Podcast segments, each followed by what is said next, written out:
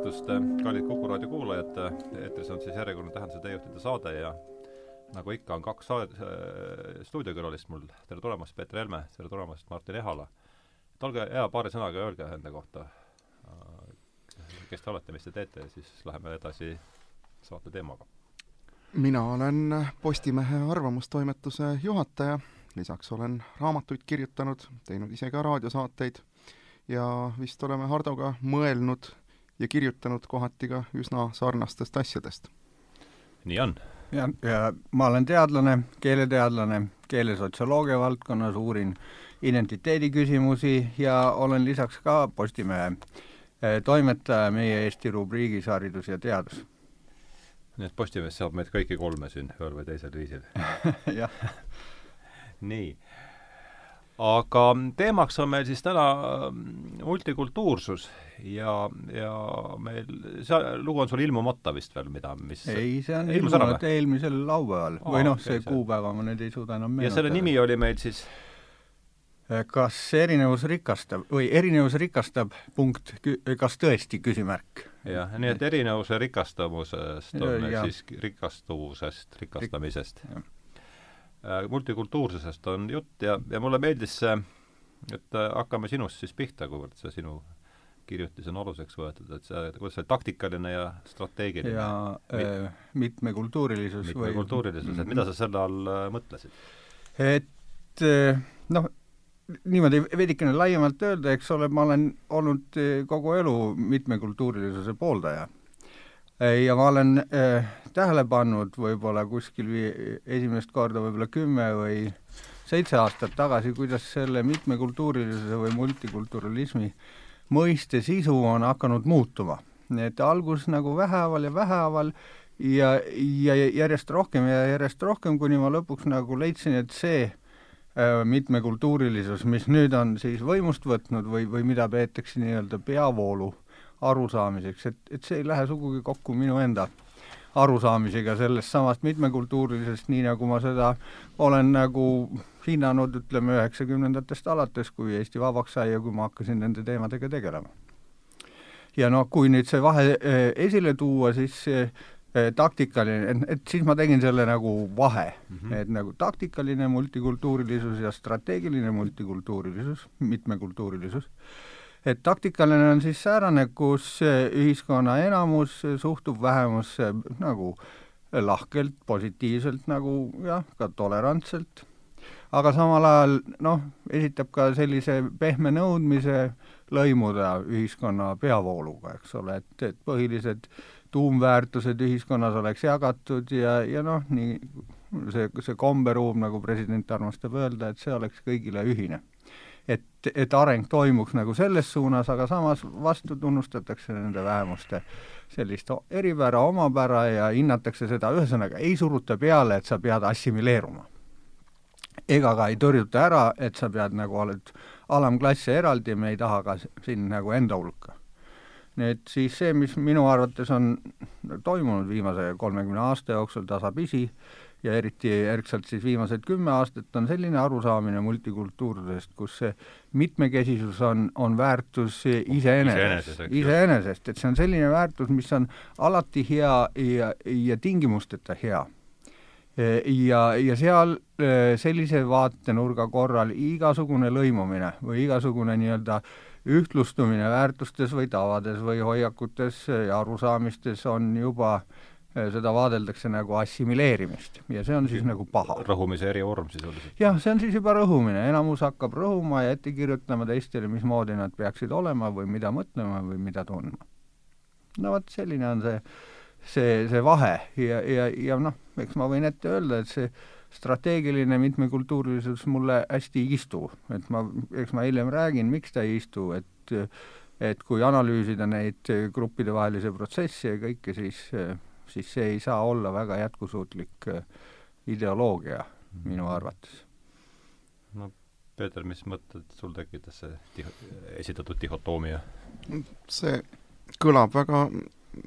veenvalt, aga ma jäin just mõtlema selle peale, et äh, ega need üleminekud ühelt teisele, sellelt taktikaliselt mitmekultuurilisuselt äh, strateegilisele, ei ole ju väga selged ja seda sa ütlesid tegelikult ise ka, kui sa seletasid, et viimase kümnekonna aasta jooksul oled täheldanud muutust, mis tähendabki ju seda, et ei ole olnud nii, et ühel hetkel otsustati, et nüüd teeme teistmoodi, vaid see muutus ongi meile sisse hiilinud ja ilmselt mm -hmm. selle tõttu on ka selle muutuse märkamine väga keeruline ja selle tõttu on seda muutust ka probleemiks pidada väga keeruline, sest et üleminekud on olnud nii samm-sammu haavalised, et kui nad ühel hetkel siis kätte on jõudnud, ei suuda keegi enam ette kujutada, et kunagi võis teisiti olla. jah yeah ja see on ju paljude teiste sõnadega, nagu seesama liberalism on ja libe-, liberaal on no enam-vähem sama saatus on seda, mina kolmkümmend aastat tagasi pidasin ennast ka liberaaliks. ja nüüd äh, noh, no siin tuleb muidugi pa, süüdistada meie sõpru ja liitlasi teisel pool Atlandi ookeanit, kes no, kus seal on ikkagi selle sõna liberaalsus üks hoopis teistsugune ajalugu ja äh, ma nüüd Ameerika poliitilist ajalugu nii hästi ei tunne, aga ma saan aru, et ka Ameerika Demokraatlik Partei, mis oma lipukirjaks liberaalsuse on võtnud, on ilmselt ise positsioone vahetanud võrreldes näiteks saja aasta tagusega. ilmselgelt jah, et aga kuhu ma tahtsin viidata või millele ma tahtsin viidata, on see, et et eks see seesama, see kolmekümne ja eriti nüüd viimase kümne aasta jooksul, ma olen täiesti nõus, et siin on olnud, on ju see sõnade sisu ja, ja tähenduse muutumine olnud äh, üleüldine, et äh, noh, siit on võimalus, kuidas me nüüd läheme, et kas me räägi-, võtame siiski selle, et, et mis, mis siis ikkagi, et ühesõnaga, see muutus on olnud mingist laiela, laiemast protsessist, et mis see, mis on see laiem protsess, enne kui me nüüd tuleme konkreetselt selle mitmekultuurilisuse ja erinevuse ja. soovitavuse või mittesoovitavuse juurde, järsku oleks sealt hea alustada? jah. või kompida seda et, et, et mul on tunne, et see on ikka selline teatav noh, ütleme liikumine vasakpoolsuse poole, et see on nagu osa sellisest laiemast protsessist, kindlasti ma arvan, et selle, selle liikumise keskmes on olnud feminism, feminismi areng, ka kui vasakpoolne ja sotsiaalsele õiglusele suunatud liikumine, mis on tasapisi siis sellise võrdsuse muutnud järjest olulisemaks ja kesksemaks väärtuseks, nii-öelda moraalseks väärtuseks, mis kaalub üles paljud muud väärtused. ja, ja põhimõtteliselt noh, ma ei saa teisiti, kui ma pean ütlema, et noh, põhimõtteliselt on see sarnane nagu vaateviis äh, nagu kommunismi puhul, ainult et seal kommunismis oli nüüd varanduslik ebavõrdsus, oli see keskne aga nüüd on äh, siis selles liikumises, mis on viimased kümme aastat eriti tugevalt arenenud, on on keskne just nimelt sotsiaalne võrdsus, ehk siis erinevatesse, erinevate identiteetide võrdsus ühiskonnas. ja, ja vähem majanduslik võrdsus ja noh, ma lugesin ühte päris head artiklit ka selle kohta Feministi enda äh, suules, et, et siis, kui äh, heaoluriik saavutas sellise taseme, et nagu eriti äh, ei olen, ei, ei olnud võimalik inimesi enam nagu mm, mobiliseerida varanduslike nii-öelda ebavõrdsuse põhjal, et seda nii-öelda klassiviha ei olnud võimalik tekitada sellel põhjal, siis siis ja samal ajal kasvas ühiskonna mitmekesisus, kultuuriline, et siis see, leiti, et see on nagu see, see koht, kus, kus tuleks suunata selle liikumise noh, nii-öelda ideoloogiline teravik siis no see on see, mida võrdsus on, võrdsus on põhimõtteliselt kokkuvõttes see üleüldine triiv, see, mida me tunnistame, on üleüldine triiv vasakule ja et võrdsus on see tuumväärtus, et see kõlab mul päris usutavalt, et vabandust, ma Peeter segasin vahele, aga räägi, võtsin, võtsin kokku selle, mis ma, ole hea ma, ma ei ole kindel, kas küsimus on tegelikult võrdsuses. ma arvan, et kui minna nüüd veel kaugemale, veel suuremale abstraktsiooni tasandile, siis see, millest me oleme ju siin praegu natuke rääkinud, on ka keele politiseerimine mm,. ehk siis jah. võrdsus on lõppude lõpuks ka ainult üks osa sellest suuremast konfliktist,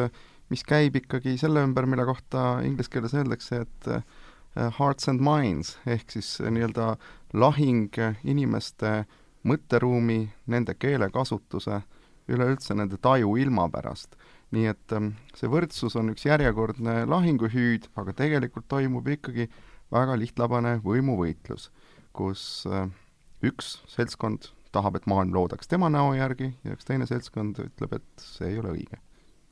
jah, mhm. sellega ma olen olen ka täiesti nõus jah, et ja, see on täpselt meele, maailma taju pärast käib see on, suur vastasseis. ja, ja selles mõttes on see e, tegelikult täiesti nagu loomulik, ühesõnaga, et et sellise teatavas mõttes evolutsioonilise nagu mõtlejana ma saan täiesti aru, et ega võimuvõitlus ei kao maailmast mitte kuhugi ja isegi kui nüüd öeldakse, et me võitleme võrdsuse eest, aga kuna tegelikult inimesed võrdsed ei ole, siis järelikult sellel võrdsuse Saab, ega, võitlusel ei, nagu ei lõppu ei, ei tule. eks ole, see on lihtsalt küsimus sellest, et millised rühmad on, on siis eh, nii-öelda sellesama võimupüramiidi tipus ja millised on seal madalamatel positsioonidel ja seda on läbi ajaloo kogu aeg ringi mängitud. Eh, ja praegu me oleme lihtsalt ühes sellises nagu ringi mängimise kohas või vähemalt äh, vaidlemise kohas. ja noh, seda teeb kindlasti vaatleja positsioonist, äh, kuigi, kuivõrd me saame olla vaatlejad, olles ise osalised, aga noh, hea küll, see on siis osalusvaatlus. vaatleja positsioonist põnevaks äh, just see, et kuna see võitlus, mida me kirjeldame ja läbi elame, toimub äh, väga rikas, väga kõrge heaolu tasemega tsivilisatsioonis, siis selle tõttu on selle vahendid palju noh, peenemad, võib-olla ka raskemini tajutavamad kui olid näiteks äh, võimuvõitlused mõnes äh, keskaegses ühiskonnas, kus need äh, lõpuks lahendati ikkagi kindlasti osaliselt intriigidega, aga vajadusel väga otsekohese ja kõigile nähtava toore vägivallaga. praegune võitlus on kolinud isegi parlamendisaalidest välja ja on kolinud võiks öelda, raamatute või arvamusartiklite ridade vahele, kust tuleb lugeda ja mõtestada sõnade tähendusi ja see on iseenesest väga huvitav võitluse viis ju, väga mm, -hmm. väga peen, väga, väga nii-öelda peenenenud tajuga, aga noh muidugi isegi dialekti teemal võtaks, tuletaks seda, tooks selle sõna ajaloo kolikambrist välja. no muidugi noh, omaette küsimus on, et kui kauaks seda ühiskonna äh, nii kõrget keerukuse, nii kõrgel keerukusel põhinevat mudelit jätkub see on see suur, see on see suur küsimus ja küsimuste küsimus. jah, et see, mulle tuleb meelde e, üks e, Weber või keegi varaseid sotsioloogia rajajaid oli, kes e, kes analüüsis ka seda, et nagu kui palju siis nagu ühiskonnas või et millisel kujul see võitlus ühiskonnas nagu toimub, eks ole, et kui karme vahendeid rakendatakse ja, ja, ja sellega seoses ka, et mida võib nagu äh, mis on nagu lubatud võitlusvahendid ja tõi sellise näite, et kui me kujutaksime ette sellist kloostrit, kus kõik maailma nagu põhilised nagu eksistentsiaalsed mured on lahendatud, noh, söök, turvalisus, kõik on paigas, kus on tohutu-tohutu turvaline keskkond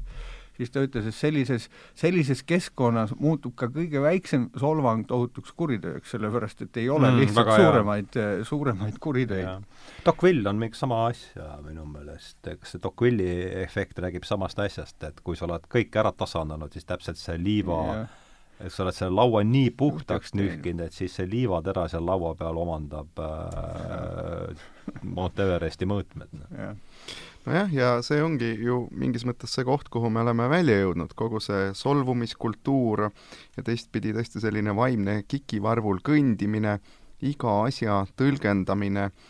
kellegi, kui mitte just solvamisena, siis igatahes tema privaatsfääri astumisena, noh see kõik tegelikult räägib ju ühte asja, seda, et elu on liiga hea jah, paraku või, või ütleme siis väga hea. et me, me ei ole e, suutnud õppida nii heas e, ühiskonnas mm. elama ja, ja selles mõttes, et me e, selles mõttes elame, et nüüd tundub, et, et igasugune konflikt on juba maailma lõpp või, või ühesõnaga ka poliitiline, selline vähegi teravam poliitiline võitlus tundub juba olevat peaaegu nagu asi, mida ei tohiks mingil tingimusel nagu juhtuda Äh, aga siis ma nagu mõtlen kas või selle paganama laulva revolutsiooni peale, noh, me tagantjärgi mõtleme, et me olime kõik kangesti ühtsed siis, aga tegelikult mis oli, tegelikult oli, eks Eesti ole, ERSP ja Eesti komiteed ja teiselt poolt Rahvarinne ja kolmandalt poolt Interrinne. ja kogu aeg käis nii-öelda andmine. Ja seal oli samasugune umbes ma arvan, tundub nagu samasugune poliitiline nagu võitlus või noh, nii-öelda ideoloogiate vaheline võitlus, kui võib-olla praegu on nüüd tekkinud just, just momendil, et aga nüüd see tundub meile kuidagi õudsemana või noh, tegelikult tundus siis ka, ma mäletan, kui ERSP alustas. reaalselt tankide no,, käisime ikka tanke ootamas. jah, noh, vot see oht oli natukene teine, mida, mida praegu ei ole, aga jah, põhimõtteliselt kui ERSP algas, alustas oma esimesi nagu aktsioone, siis ma arvan, et et selline ühiskonna mainstream või ütleme, enamus siis ikkagi vaatas selle peale ka, et no mida te tulete nüüd nagu eks ole, seda ilusat ära rikkuma või, või kuhugi kallutama meid võib-olla just nende samade tankide tuleku suunas. aga ma küsin, mulle meeldis see, millele Peeter osutas tähelepanu, et, et kui lähme nüüd sellest võrdsuse jutust veel allapoole, et tegelikult käib lahing noh, konflikt inimese maailmataju ja keele ja meele pärast, et sa ütlesid, et üks seltskond tahab kõige teha maailma ümber oma näo järgi ja teine arvab, et see ei ole nii ja mõte, et et järsku iseloomustame natuke neid, mis need seltskonnad siis on ja mida nad tahavad? minule hakkas väga meeldima kuskilt kunagi loetud kujund lapitekist minu meelest selles samas artiklis kasutati veel kujundit kaleidoskoobi pilt ka, et äh, laias laastus on ju võimalik inimkultuuri tema ajaloolisuses ette kujutada kahte moodi, üks kujund oleks siis taim või puu, orgaaniline. orgaaniline, iga asi kasvab välja sellest, mis juba olnud on. ja teine on just see kaleidoskoobi, seda papptoru raputav inimene, kes siis raputab, vaatab, naudib neid ilusaid kujundeid, raputab uuesti, tulevad uued kujundid, teistsugused, aga võrdsed, sest klaasitükkide arv ju ei muutu, muutub ainult nende kombinatsioon. ja niimoodi lõputult või samamoodi võib öelda, et lapitekk, kuhu on võimalik ükskõik millises kombinatsioonis äh, abstraktseid äh, mustreid luua, erinevaid lappe omavahel kombineerides. ja, ja tegelikult selle kahe käsitluse vahel äh, võitlus käibki, üks ütleb, et äh, et kõik, mida me teeme, see on ajalooline, teine ütleb, et see ei mängi rolli, sest et kogu maailm on meie kätes nüüd ja praegu. ja ma julgeks väita, et see on ka väga lääne ühiskonnale omane konflikt, seda on ju ka nii mõnigi mõtleja välja toonud, et võrreldes lääne tsivilisatsiooniga ei ole kunagi maailma ajalugu tootnud ühtki teist äh, nii äh, ahistoorse maailmatajuga tsivilisatsiooni, mis mitte ainult ei unusta ära enda juuri, vaid tegeleb äh, teadlikult nende lammutamisega, sest et noh, juured tule-, tuletavad ju meelde kõike seda, mis ei haaku selle nüüd ja praegu maailmapildiga. ja huvitav siin on, on see, et tõesti, et kui see vastuolu on siis nende äh, vahel, kes lammutavad ja unustavad ja nende vahel, kes ei taha unustada, et, et tegelikult nagu kolmas variant võiks olla ka säärane, selline variant, mis lähtub äh, nähtuste ja sotsiaalsete protsesside hindamisel funktsionaalsusest ehk siis nagu tulevikust. et, et milline on see tasakaal, mis, mis tagab äh, jätkusuutliku nagu püsimise eks ole, et et kui see lammutamine käib suures osas ikkagi nagu üksikisiku nagu suurema üksikisiku vabastamise nimel sellest samast mälust, normist ja normidest ja ja, ja ühiskonna kammitsatest ja, ja need, kes nagu eh, on siis selle vastu nii-öelda ajaloolisel positsioonil nagu viitavad nendele väärtustele, mis on olnud ajaloos,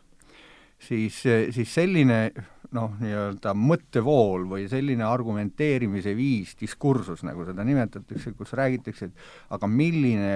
nagu mm, kooselamise viis üleüldse on nagu püsiv pikas perspektiivis, eks ole, et see on nagu suhteliselt nagu marginaalne või seda peaaegu pole, ma arvan, et sellest peaks rohkem rääkima. no tõsi ta on jah, sest tegelikult maailma ajalugu pakub ju palju näiteid äh, nendest kultuuridest, mis on nurjunud just selle tõttu, et on jäädud enese naba imetlema, võib-olla kõige kuulsam näide oleks Hiina, mis lõpuks ju ainult suure kollapsi hinnaga lõpuks moodsa maailmaga ühines, aga tegelikult me võime ju ka Eesti ajalukku vaadata, mis see muinas-Eesti parem oli, et me olime jäänud ikkagi tolle aja progressile jalgu oma maailmavaates ja ei suutnud aru saada, et tulevik on seotud ristiusuga, et et tõsi ta on, et kui ka võib-olla äh, noh, hästi nagu mõnus on öelda, et jah, traditsioonid on tähtsad, aga nagu Martin just ütles, et äh, me peame ka vaatama, et äh, mis mõte on neil tuleviku jaoks. Neil ei saa olla ainult sellist oma isemõtet, sest siis juhtubki see, et me hakkame täitma tühja rituaali, mille tähenduse me oleme kõik ära unustanud. vot kui nüüd just äh, sa tõid need näiteks Hiina ja siis nagu muinas-Eesti, et nad olid nii-öelda teatud mõttes takerdunud oma minevikku, ei suutnud olla seetõttu jätkusuutlikud, aga nagu võib-olla tasuks siia veel näiteks tuua, no ütleme näiteks Rooma impeeriumi, eks ole, mis tegelikult mingisugusel hetkel oli absoluutne tipp, muidugi võib ka öelda, et ta takerdus oma nagu minevikku, ei saanud edasi saada, aga võib-olla see mm, nojah, et nagu selles mõttes, et tingimata see, mis on et see, mis tingimata äh, on nagu võib-olla maailma tipptase, ei, ei pruugi sellisena olla nagu jätkusuutlik, et, et ma olen ise kasutanud siin sellist nagu äh, dopingu metafoori. et, et, et nagu ühiskonnas, kui vaadata nagu hästi religioossed ühiskondi, need on väga nagu stabiilsed, aga seal nagu eriti midagi ei muutu, eks ole, kui väljast midagi ei ohusta, siis nad lihtsalt püsivad nii, nagu sammal kasvab ja kasvab ja kasvab ja midagi ei juhtu aga kui sa vabastad selle ühiskonna nendest tabudest, siis siis see, see avab selle loomingulisuse, nagu Euroopaga juhtus, eks ole, valgustusest edasi, eks ole. aga teatud mõttes need, see hakkab ära sööma kõiki neid norme, mis, mis tagab selle, just selle samblana nagu püsimise. E-, ühesõnaga, sa nagu hakkad dopingut võtma, sa paned kõigist mööda, eks ole, ühel hetkel nagu alistad kogu maailma ära, aga siis mingisugusel hetkel seesama doping on ära söönud selle, selle, mis, mis hoiab, hoiaks sedasama tsivilisatsiooni või ühiskonda siis nagu samblana ka nagu jätkusuutlikuna, et et see tasakaalu käest äralaskmine. no see on see niinimetatud Böckenförde teoreem, et moodne liberaalne ühiskond Böckenförde? jah, üks hiljuti, hiljuti nüüd surnud Saksa riigikohtunik ja õigusfilosoof Böckenförde, jah. jah, tema sõnastas siis Böckenförde teoreemi või Böckenförde paradoksina tuntuks saanud ütluse, mis kõlab umbes nii, moodne liberaalne ühiskond elab eeldustest, mida ta ise ei suuda garanteerida. noh no, John Gray on sama asja umbes äh, väljendanud, aga jah, see on aga jah. anna, anna jah liha juurde sellele, et äh, kuulajatele ja tavaliselt on mõlemad nimed tundmatud et see on ju mõnes mõttes tänapäeva lääne ühiskonna selline hea kirjeldus, aga samal ajal kirjeldab ka selle kirjelduse hetke. praegu on juba üks kolm-nelikümmend aastat möödas sellest, kui Böckenförde selle lause sõnastas ja praeguseks me näeme, et need eeldused, mis meie ühiskonna aluseks on, on ikka kaunikesti läbi puretud. meil, me, meil on väga vähe ühi-, meil on väga vähe ühist äh, Euroopa kultuurile aluse pannud nii-öelda väärtussüsteemidega. lõppude lõpuks me ei seosta ammu enam moraalinorme kristlusega, mis tekitab küsimuse, kui stabiilsed saavad olla moraalinormid, mis põhinevad mitte millelgi, mis põhinevad lihtsalt sellele, et me ütleme, et nii pole ilus teha, aga ütleb kes mis siis, kui minu meelest siiski, mind ei huvita, et see sinu meelest ei ole ilus. kes oled, kes, oled sina, kes sina oled, et ütled mulle, mis on ilus ja mis ei ole? et see on, see on kahtlemata väga ohtlik asi ja see on, see on kindlasti, kui me tahame sellise liberaalse ühiskonnaga, nagu meil on, edasi minna, siis see on üks väga oluline küsimus mitte ainult meie õigusteadlastele, vaid tänapäeva filosoofidele, kes peavad sellisel juhul need moraali küsimused täitma mingisuguse teistsuguse sisuga seda on üritatud teha ja üritatakse ka jätkuvalt teha, aga igatahes on see ülesanne, mis ei ole seni päris rahuldavaid tulemusi andnud. ja, ja sama kehtib tegelikult ka Rooma õiguse kohta. kriitikud ju ütlesid, et seesama sel nädalal vastu võetud Euroopa andmekaitse direktiiv on väga kahtlane tekst, mis paneb süütuse presumptsiooni pea peale, mis nõuab interneti andmete laadijalt nende kontrollimist äh, Äh, garanteerimist, et see vastab kõikidele seadustele, aga noh, see ei ole alati võimalik, kui me räägime suurtest platvormidest, äh, mis täituvad andmetega, mida noh, tegelikult ei kontrolli siis selle platvormi haldaja, noh see kõik läheb ju väga tehniliseks, aga ma tahan lihtsalt öelda, et meie ühiskond seisab päevast päeva silmitsi probleemidega, mille lahendamiseks äh, vajalik väärtussüsteem on pehmelt öeldes ligadi-logadi või puudub üldse. ja me ei saa üldse aru, et me mingit, et meie kultuur rajaneb mingitel eeldustel, ma tihti, ma arvan, et äh, noh, suur hulk rahvast, arvan, et ja. ei anna sellest isegi no aga ega ei peagi. selles peagi, mõttes, et kui äh, ega üldiselt läheb elu ilusti, siis normaalne inimene ei peagi tingimata mõtlema nende asjade peale, vähemalt mitte, mitte hakkama mõtlema nii filosoofiliselt aga tundub, et äh, siiski midagi on lahti, et me nende teemade üle näiteks kas või siin ja praegu arutame. jah, ma, ma ei ole filosoof, et ma nagu võiksin nagu nendes moraali küsimustes väga midagi arvata, mida ma ise usuks, on nagu tõsine. Samas, kui nüüd mõelda, et tõesti meie moraalinormid, nagu me praegu eeldame, on põhimõtteliselt konsensuse küsimus, eks ole, et kui enamus on jõudnud, ühesõnaga, kuna nad on muutuvad, kuna ühiskond, nagu ma saan aru, liberaalsed mõtlejad leiavad, et moraalinorme on võimalik muuta ja selle, selle teel siis nii-öelda neid kristlikke norme on, eh, ongi nagu muudetud või, või neist loobutud, eks ole, et me, meil on see voli. Et siis, kui meie konsensus on see, mis ütleb, eh, mis on moraalne ja mis ei ole, ja, ja kui me võtame sellise seisukoha, et see on konsensus, mis siis saab, kui konsensuseks kujunebki säärane, et ajame kedagi ahju? eks ole, mille poolest, kes suudab siis öelda, et see on vale moraalne süsteem, kui ta põhineb samamoodi konsensusel kui ütleme, praegune süsteem. Et kui inimesest välis, välispoolset kõrgemat autoriteeti ei tunnustata, et millega selles vahet teha, et ma ei ole aru saanud. noh, muidugi variant oleks ju mõelda sellise konfutsionistliku õiguse peale, kus ju see jumalik komponent on üsna kõrvaline, vaid tähtis on ikkagi just selline äh, noh, õpetuslik õpetaja ja õpilase suhe ja noh, et ühesõnaga ma tahan lihtsalt öelda, et äh, tegelikult võimalusi on, aga ise osa on väiksem seal siis, ütled, eks. et ilmselt no. võimalusi on, aga kas nad on meile omased ja nüüd muidugi teine moment ju, milleni Martin jõudis, mis viib meid ju meie jutu algusesse tagasi, aga kuidas see kõik teostub sellises mitmekultuurilises ühiskonnas? kuidas me saame luua jah, konsensuse, kui inimesed tulevad täiesti erinevate kultuuride küsimus, et, et jah, et kuidas me üldse jõuame konsensuseni et äh... ma, ma, ma, ma, ma olen tumm. ja ei no mina samuti, aga, aga no, vaidleme nii kaua, kuni õnneks on siin tunnika veel aega nagu rääkida, et ma mäletan, üks Mark Steini lause oli kunagi väga hea, et see noh, inglise keeles kõlas ta niimoodi, et noh, et siin palju inimesed või eriti vanem põlv või no ühesõnaga, et et süü-, süüdistatakse vastaspoolt selles, et they lack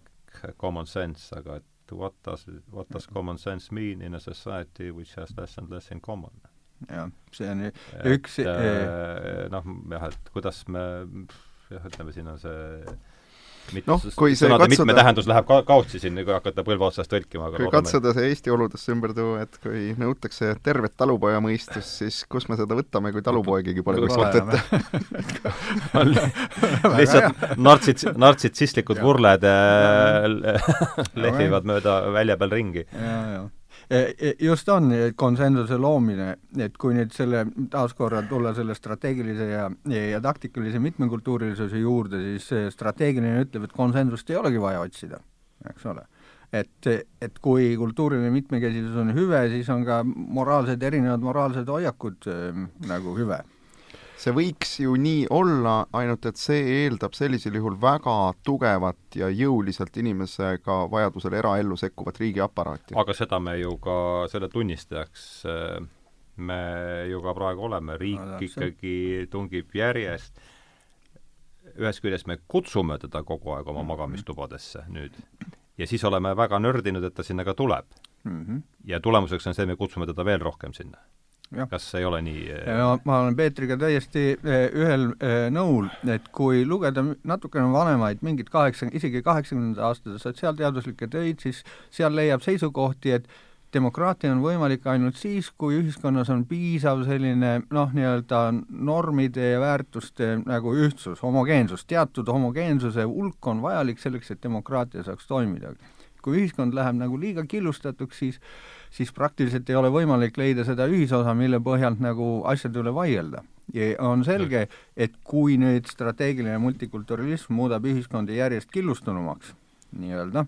et siis ühel hetkel demokraatia lakkab toimimast ja täpselt nagu sa ütlesid, eks ole, siis muu ei aita, et peab olema mingi muu võimustruktuur, ühesõnaga mingi muu valitsemise viis, kas valgustatud eliit või noh, jah, eks ole, kelle käes on siis need survevahendid, politsei ja, ja, ja sõjavägi ja muud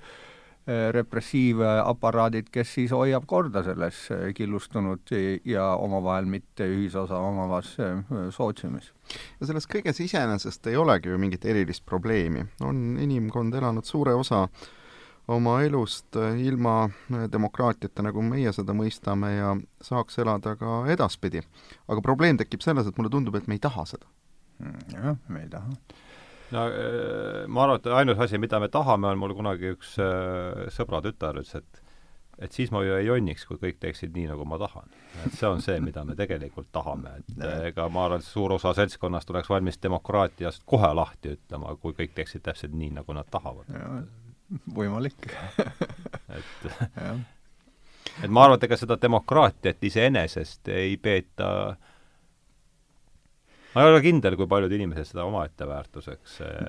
no jah, nii on, need, kes nagu räägivad demokraatlikest väärtustest, on mures, kui demokraatlikult valitud äh, nende meelest paha poliitiline võim ei tee nii kipub, täpselt nii, nagu nad tahavad. et, kipub nagu võimu juurde, eks ja. ole. ja seda on Ameerikas ka näha, eks ole, Trumpi valimisega, noh, et ühesõnaga minu meelest varem, noh, ma ei ole nii hea Ameerika tundja, et, et varem vist ei ole nagu legitiimselt valitud presidendi valimise järel nii pikalt Äh, olnud nii nagu jõuline vastasseis, et kogu aeg nagu, et nagu võtame maha, võtame maha, see ei sobi, see ei ole, see ei ole see, kes me oleme. no ühe, ühe korra oli ja, ja. selle tulemuseks oli kodusõda nojah, et siis äh, elame-näeme jah, selle, kui sa seal Youtube'i avarustes äh, ringi äh, kõnnid, siis see kodusõja, et kas, kas tuleb uus ja teine, selle kohta on seal, võid, võidki jääda vaatama, et see teema on äh, mis on, aga natuke see haakub jälle sellesama puhta laua ja liivateraga, eks, et äh, noh, vägivalda kui sellist me ju praegu Ühendriikides veel sisuliselt näinud ei ole, kui me vaatame kas või kuuenda aastate lõpuga, siis seal oli ju ikkagi pommiplahvatusi Äh,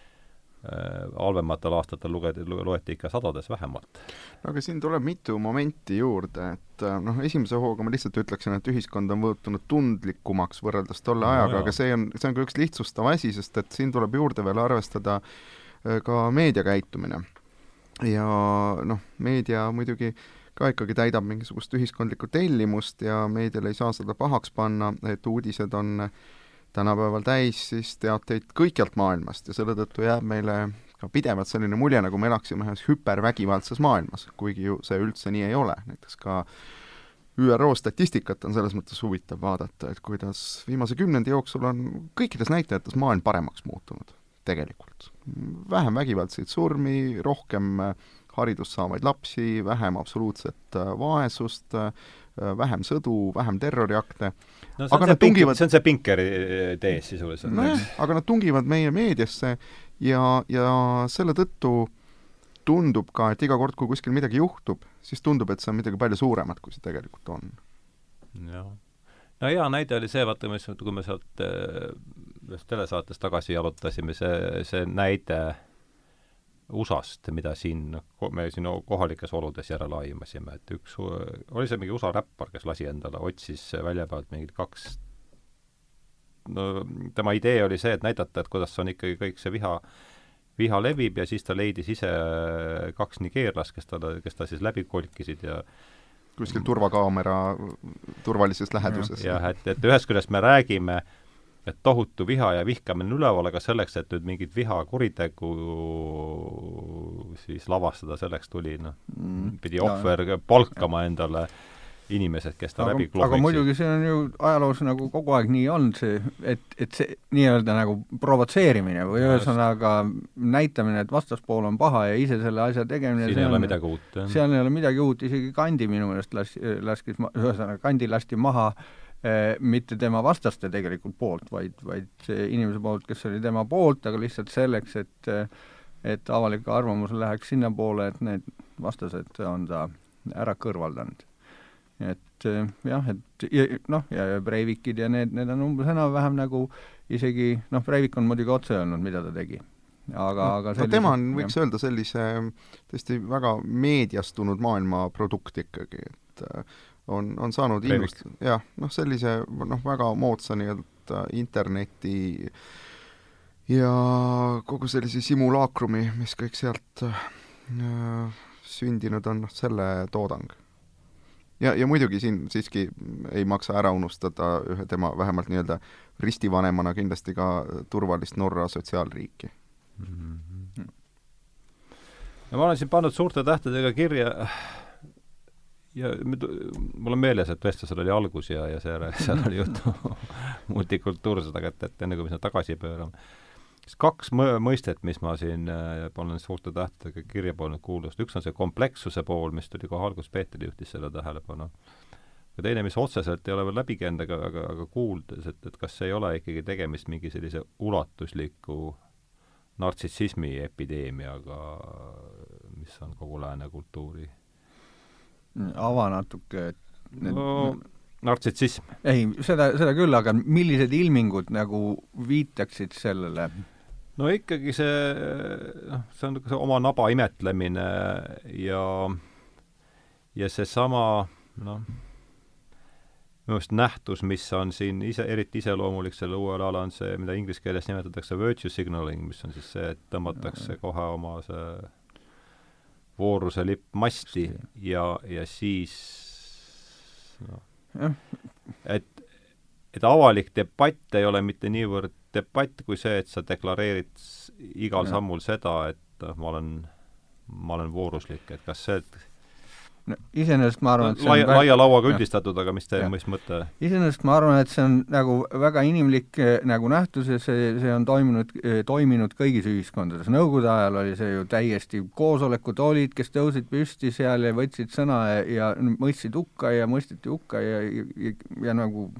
see, see käis ju nagu väga tihti, samamoodi Natsi-Saksamaal oli sama, et see on see nagu teatud mõttes selline vaikimise spiraal ja see tekib siis, kui tõesti on väga suur Äh, nii-öelda väga tugev konsensus teatud asjade juures ja teatud tõed on muutunud väga-väga kindlaks, et sellisel juhul inimestel on alati väga hea neid tõdesid öelda, sest ta teab, ta saab alati nii-öelda laiki nende eest,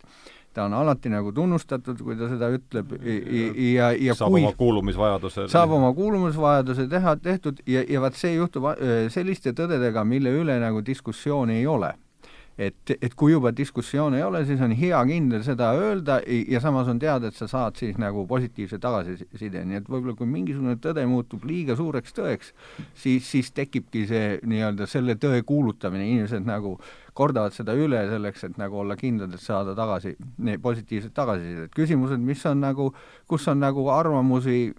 noh, nii ja naa, et selle puhul ei, ei, ei, ei järgne midagi, eks ole. et kui kui ma näiteks noh, ühesõnaga eelistan ühte või teist jalgpallimeeskonda, kui ma seda ütlen, siis no mis siis, mõni teine ütleb muud. aga just selliste tõdedega, mis on väga-väga kindlaks juba nagu käinud, et need taas tekitavad seda kõlakambrit. mingil määral see usutunnistusse kuuluvad jah, see on nagu teatud mõttes äh, usutunnistuse osa siis. ja omamoodi vastupidi ka, seda võib ju hästi näha, et kui ka lääne meedia on täis kisa selle ümber, et kuidas neonatsid ja paremäärmuslased tõstavad pead, noh kui vaadata statistikat, need on tühised hulgad. neonatslus ei ole poliitiline nähtus, see on subkultuur. ja, ja selline subkultuur jällegi teistpidi tõmbab väga inimesi olukorras, kus tõed on kindlad. siis on jällegi teistpidi hästi lihtne olla mässaja. sa tead ka, et teatud signaale andes, teatud märke äh, avalikkusele signaliseerides äh, oled sa kohe out, oled sa kohe kontra,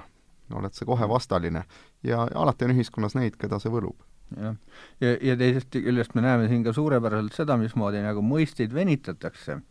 venitatakse selles mõttes, et nagu neonats, eks ole, mis on nagu suhteliselt marginaalne, subkultuurne ja, ja võib-olla tõesti nagu radikaalne, eks ole, nähtus et kui sa seda, selle, seda nime hakkad kasutama järjest nagu suurema hulga nagu sarnaste, lähedaste, aga mitte radi-, nii radikaalsete vaadete esindajate kohta, noh, siis kaks võimalust, kas sa jääd sellest sõnast ilma või, või tõesti sul õnnestub äh, nii-öelda stigmatiseerida tervet suurt hulka nagu äh, noh, tunduvalt nagu leebemaid mõtlejaid või arvajaid, eks ole jah, selle kohta on Douglas Murray öelnud hästi, et meie tänapäeva maailma iseloomustab see, et natside järgi on nõudlus fašismi järgi ulat-, ületab kordades selle pakkumise, et seetõttu ka seda sõna. see on väga terane tähelepanek minu arvates. aga tuleme siis selle multikultuursuse juurde tagasi ja, ja mulle tundub, et ongi siin see, et ta äh, hästi, me rääkisime siin, et äh, et kõige sellisel, kuidas me võtame, sügavamal või, või kõrgemal, sõltuvalt sellest, kuidas me selle ruumilise mudeli siin paika paneme, käib võitlus inimese me-, maailmatunnetuse pärast laia äh,, laias laastus. ja siin on siis äh, vastamisi kaks leeri, kellest üks toetub traditsioonidele, teine arvab seda, et äh, maailma on võimalik meie oma näo järgi suures plaanis ümber kujundada ja see on loomulikult niisugune, eks ta tihti on ju astmi, ast-, astmiku küsimuseks. ma ei ole, siiamaani olen ma enam-vähem summeerinud, kuulu, jutu, ei tee väga liiga sellele. et, et multikultuursus tuleb, tundub, et on osa nüüd see muutus, mida sa siis rääkisid, taktikalise mm, -hmm. strateegilise, see näitab seda, et see multikultuursus on muutunud selle äh, sotsiaalse konstruktivismi, siis nimetame seda praegu sellise sõnaga, kes see, et ja. võib see sotsiaalse konstruktivismi la-, leeri äh, usutunnistuse tähtsaks osaks. jah, ma arvan et sellega sa signaliseerid, kui sa räägid mm. seda igal sammul, et see on ise, et see on eesmärk iseeneses ja, ja see on kõrgem eesmärk, sellega ma näitan, et ma kuulun sellesse, sellesse kirikusse paljuski. ja ma Või... arvan, et see on selle kiriku nii-öelda põhiteese olnud juba Lyotardist alates, eks ole, et postmodernismi nagu fundamentaalne põhimõte ongi, et ei ole nagu ühte nagu valdavat narratiivi, on palju erinevaid tõdesid ja nende omavaheline nagu mänglev selline äh, nagu läbirääkimine või selline. Et see, see on juba kuuekümnendatest aastatest, see lihtsalt on võtnud neli-viiskümmend aastat aega, enne kui äh, kui see on nagu nii palju kasvanud, ühesõnaga, kui, kui see vool on nii palju kasvanud, et nüüd me, nüüd ta ongi nagu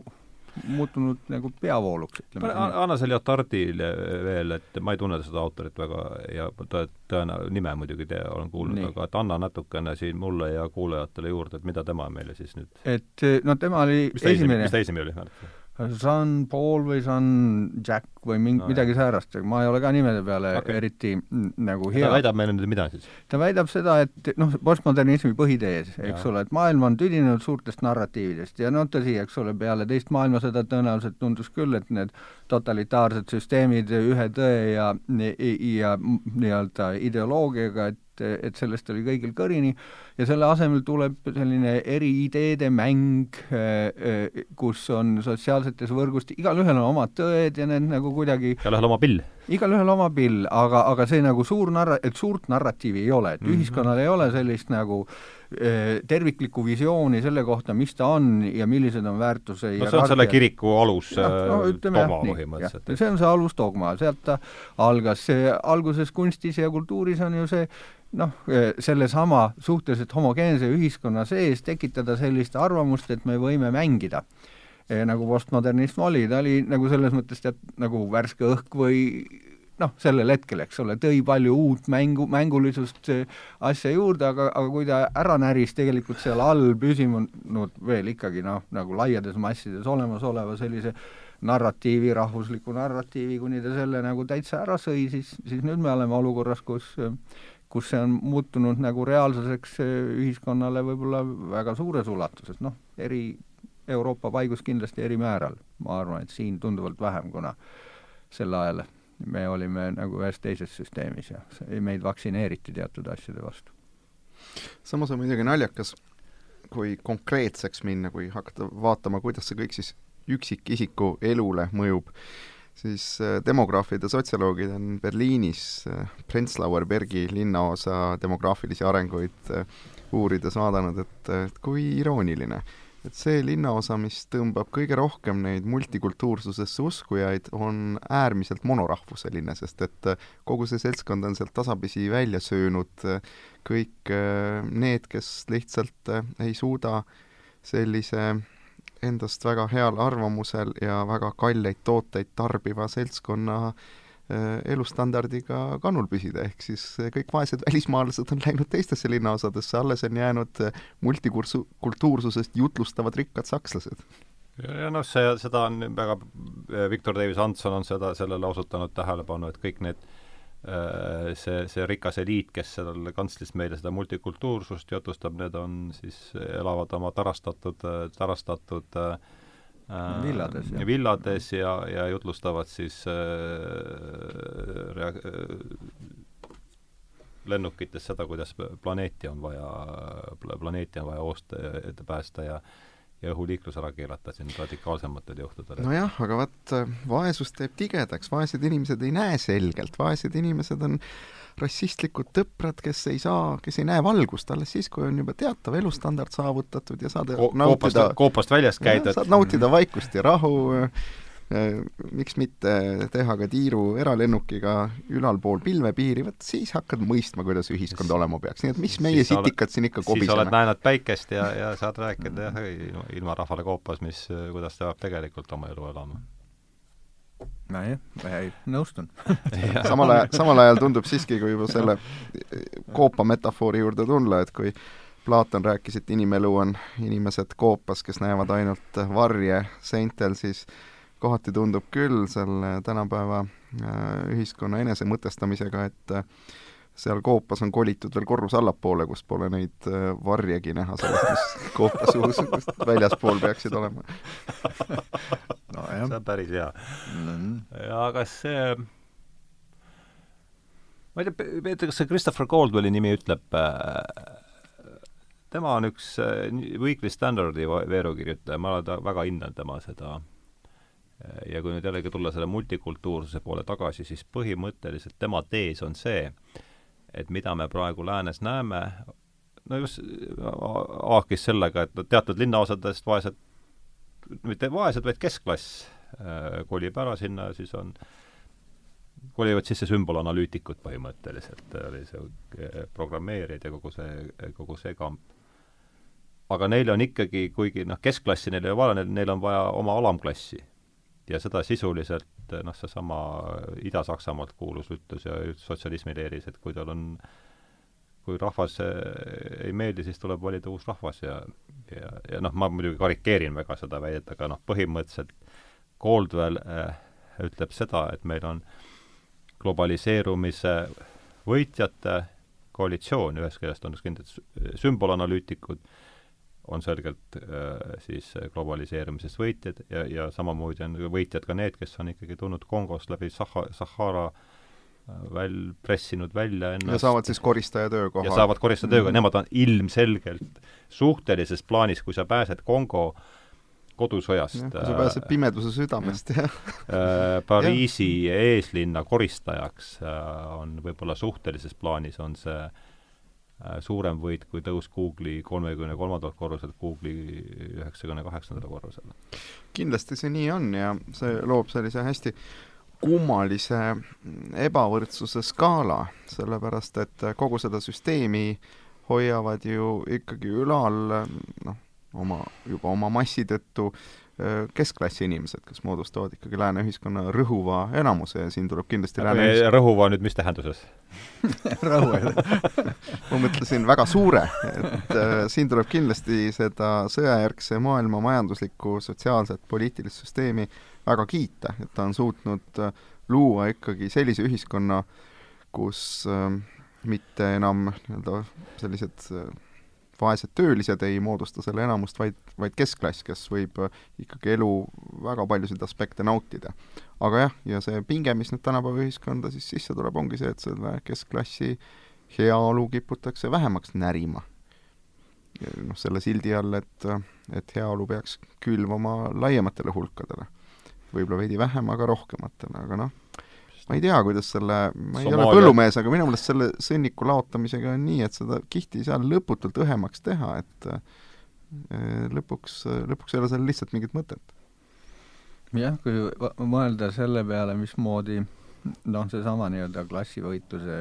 metafoori kasutada või seda ühiskonna nagu ümberjagamise,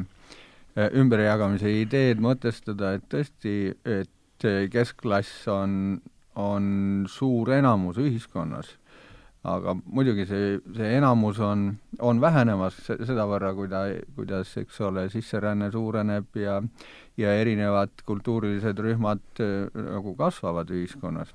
ja ka selles äh, osas ta äh, väheneb, mida rohkem suudetakse nagu näidata, kes on, on vähe, et kes kuulub vähemusse, eks ole, et tegelikult nende vähemuste defineerimine ja enamuse küljest väljalõikamine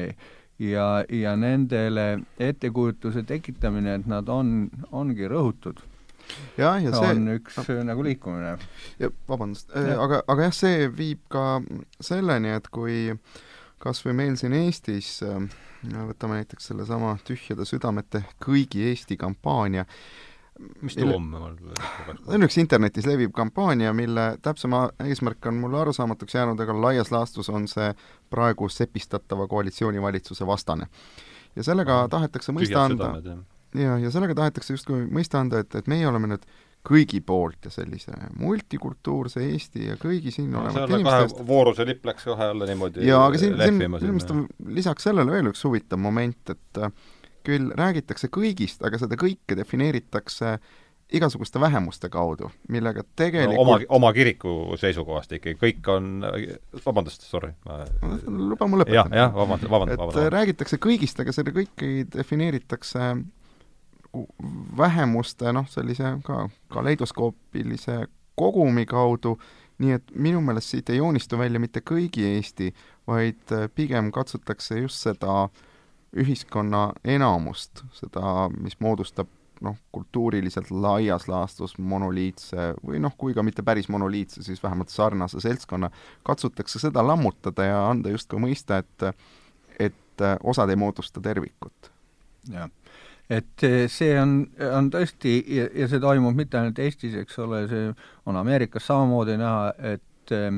et demokraatliku partei on nagu orienteerunud vähemustele, kõigile, mis on defineeritud, on naised, värvilised, eks ole, seksuaalsed erisättumused, ka soolised erimääratlused, kõik, kõik koondatakse nii-öelda, luuakse koalitsioon, koalitsioon Äh, vähemustest, keda nagu tegelikult iseenesest ei ühenda muu kui see, et nad usuvad, et et ne-, neil Neid ei ole nii palju õigusi, kui, kui on sellel enamusel.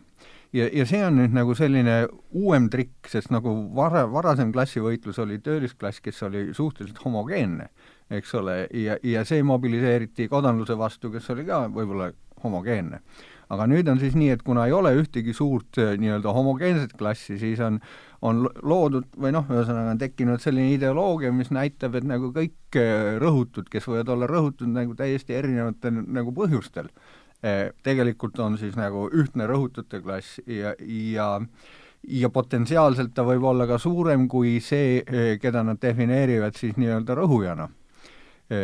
Mis tähendabki seda, et ühel hetkel võib olla selline nagu võim võib olla selle äh, Eh, noh, nagu nimetatakse, vikerkaare värvilise koalitsiooni käes, et, et mida see, mismoodi see nagu mõjub ühiskonnale, eks ole, noh, seal on nagu üks viis, kuidas võimu, võimu võtta, aga mis, mis saab edasi? nojah, ja siin on veel teisi naljakaid järelmeid ka, et äh, pärast äh, viimaseid parlamendivalimisi Saksamaal ju ka väga üksipulgi analüüsiti, kes hääletas keda ja naljakana tuli välja, et äh, need inimesed, kes defineerivad ennast tänapäeva ühiskonnas töölisena, kippusid hääletama AfD, see on siis Saksamaal selline no see on ju üldine tendents praegu. jah, selline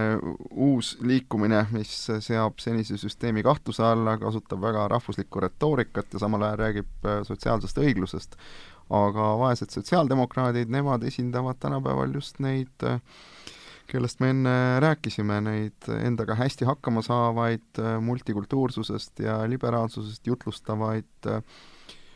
inimesi, nii et äh, ja siis teiselt see... poolt, teiselt poolt püüavad sisserändajate hääli. jah, nii et selles mõttes on need äh,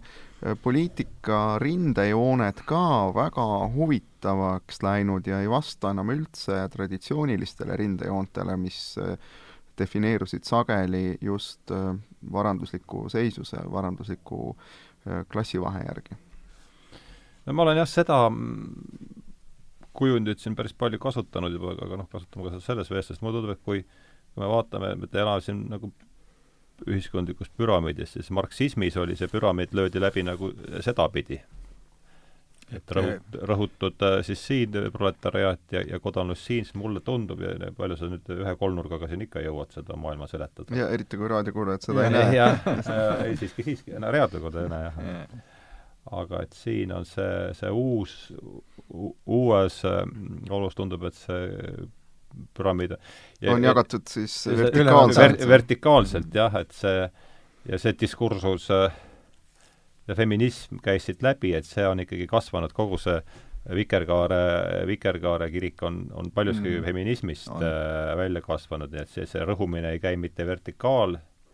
mitte varandusliku jah, äh, vaid käib ikkagi vaid- mees rõhub siis äh,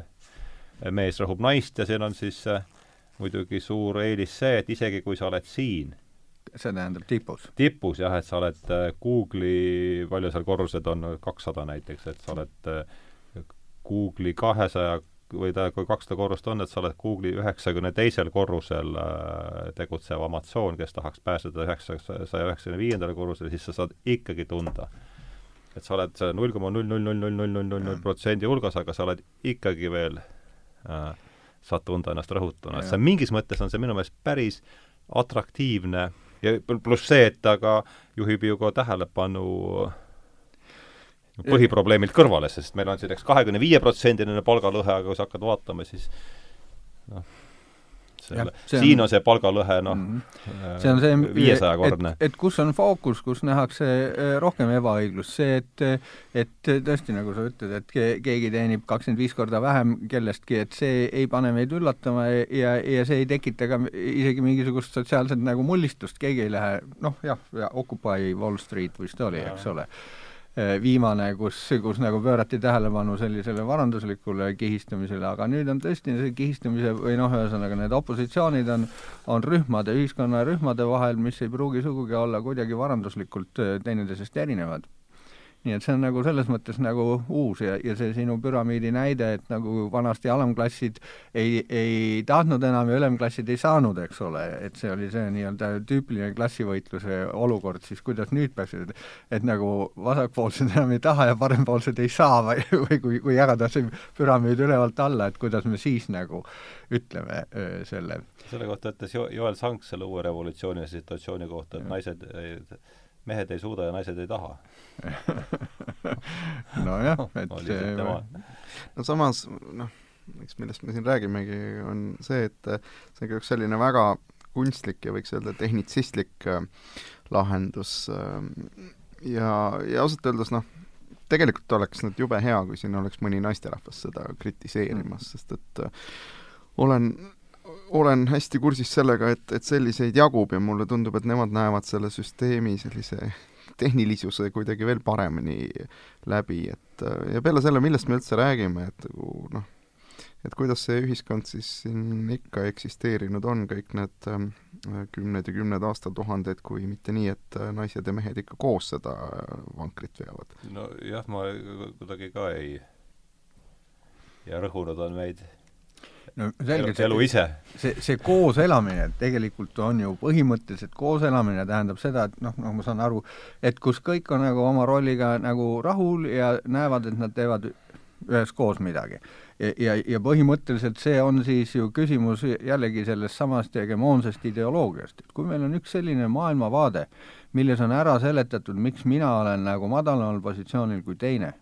eks ole, ja, ja põhimõtteliselt, eks ole, religioon on sellega tegelenud ja tegelikult kõik ühiskonnad üritavad ära seletada, miks maailm on säärane, nagu ta on. miks ta on selline, et jah, kas selline või ja. teistsugune ja kui siis põhimõtteliselt nagu... ikkagi see, et, et üldiselt on vaeseid palju vähem, ei ole veel olnud sellist ja. ühiskonda vist, kus rikkaid oleks oluliselt rohkem kui vaeseid. no, no ilmselt ei ole, aga põhimõtteliselt see ideoloogia peab ära seletama, miks sinu elu on selline, nagu sa äh,, nagu ta on, ja kui sa oled sellega rahul, siis on ühiskond õnnelik ja kõik nagu teevad oma rolli, isegi siis, kui ühed on orjad ja teised on peremehed, ühed on siis nii-öelda kamandavad ja teised ei kamanda, nagu nüüd küsimus on, et kas me saame sellise nagu ühiskonna teha, kus kõik arvavad, et nad on kõik, on nagu absoluutselt nagu võrdsed, eks ole. no see on siin nagu teatud mõttes nagu kommunismi ideaal ja elavad siis no see on jah, see on juba selline, võiks öelda, kahekümnenda sajandi unistus. aga kindlasti selles rahulolematuses on süüdi kogu selline jällegi noh, meedia ja popkultuur, mis, või miks mitte ka reklaamitööstus, mis tegelikult ju ütleb meile iga päev ja ütleb seda tuhat korda kõikidelt ekraanidelt ja kanalitest, et õnn on vaid ühe ostu kaugusel ja see on alati see järgmine ost, mis tuleb teha. noh, ja, ja isegi ma ei mõtle selle all mitte alati otse nüüd ostu selle sõna kõige otsesemas tähenduses, vaid võib-olla ükskõik milline samm õnn võib olla see järgmine naine, keda sa Tinderis kohtad. õnn võib olla see mingi üliäge koolitus, millele sa lähed, see järgmine reis, kuhu sind viiakse, või, või järgmine klaas õlut, mille sa ostad. Ja ausalt öeldes sellest loetelust mina soovitaksin kõigil selle õlle poole minna, läbi proovitud, toimib ja kui ei toimi, proovige uuesti. Aga ülesehituslikul mõttel aga noh, nii ta on, et, et meile tegelikult tuleb uksest ja aknast äh, seda sõnumit, et äh, kui sa ei ole praegu õnnelik ja muidugi sa ei ole, siis äh, on konkreetsed sammud, mis selleni viivad. aga kuna nad ei vii, kuna see on nii utilitaarne, siis see tekitab permanentset rahulolematust. ja rahulolematust siis mitte ainult nende esemetega, millega me ennast ümbritseme, vaid eelkõige just enda sotsiaalse staatusega. ja ma lisaks veel siin see, et üks, et õnn on, minu arust on see väga hästi sul, et õnn on vaid ühe ostu kaugusel aga teine sama loogika või sama struktuur on see, et täiuslik ühiskond on vaid veel nüüd ühe se-, seaduse kaugusel, et kui me nüüd selle ära teeme, siis me jõuame sinna ja ei jõua ja ja aga see ei takista meid, see ei takista meid püüdmast ja noh, siis on see teine märksõna, mis siin sai natsismi kõrval, komplekssus, et me muudame ja. selle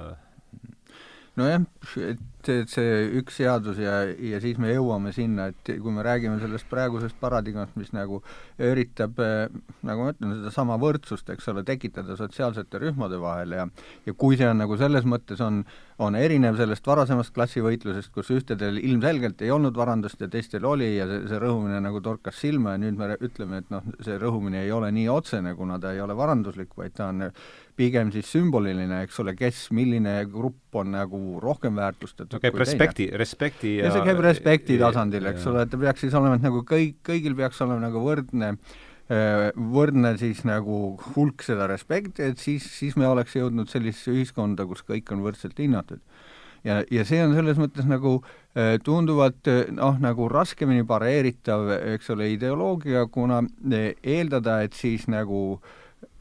respekt võiks olla nagu erinev, tähendab seda, et öelda, et ühed rühmad on nagu, nagu põhimõtteliselt nagu kuidagi halvemad kui teised rühmad, aga no see ilmselgelt on, eks ole, puhas, eks ole, rassism, kui või noh, ükspuha, mis foobia see siis on, eks ole, kui sa ütled, et et naised on paremad või mehed või mehed on paremad kui naised või valged on paremad kui mustad ja mustad paremad kui valged, eks nii ja naapidi sa ei saa seda öelda, seepärast et nagu eeldus, et see eeldus, millel see põhineb, et see on kõik nagu äh, Äh, äh, et on võrdsed. aga nüüd küsimus on, et kas äh, tegelikkuses see ka on niimoodi,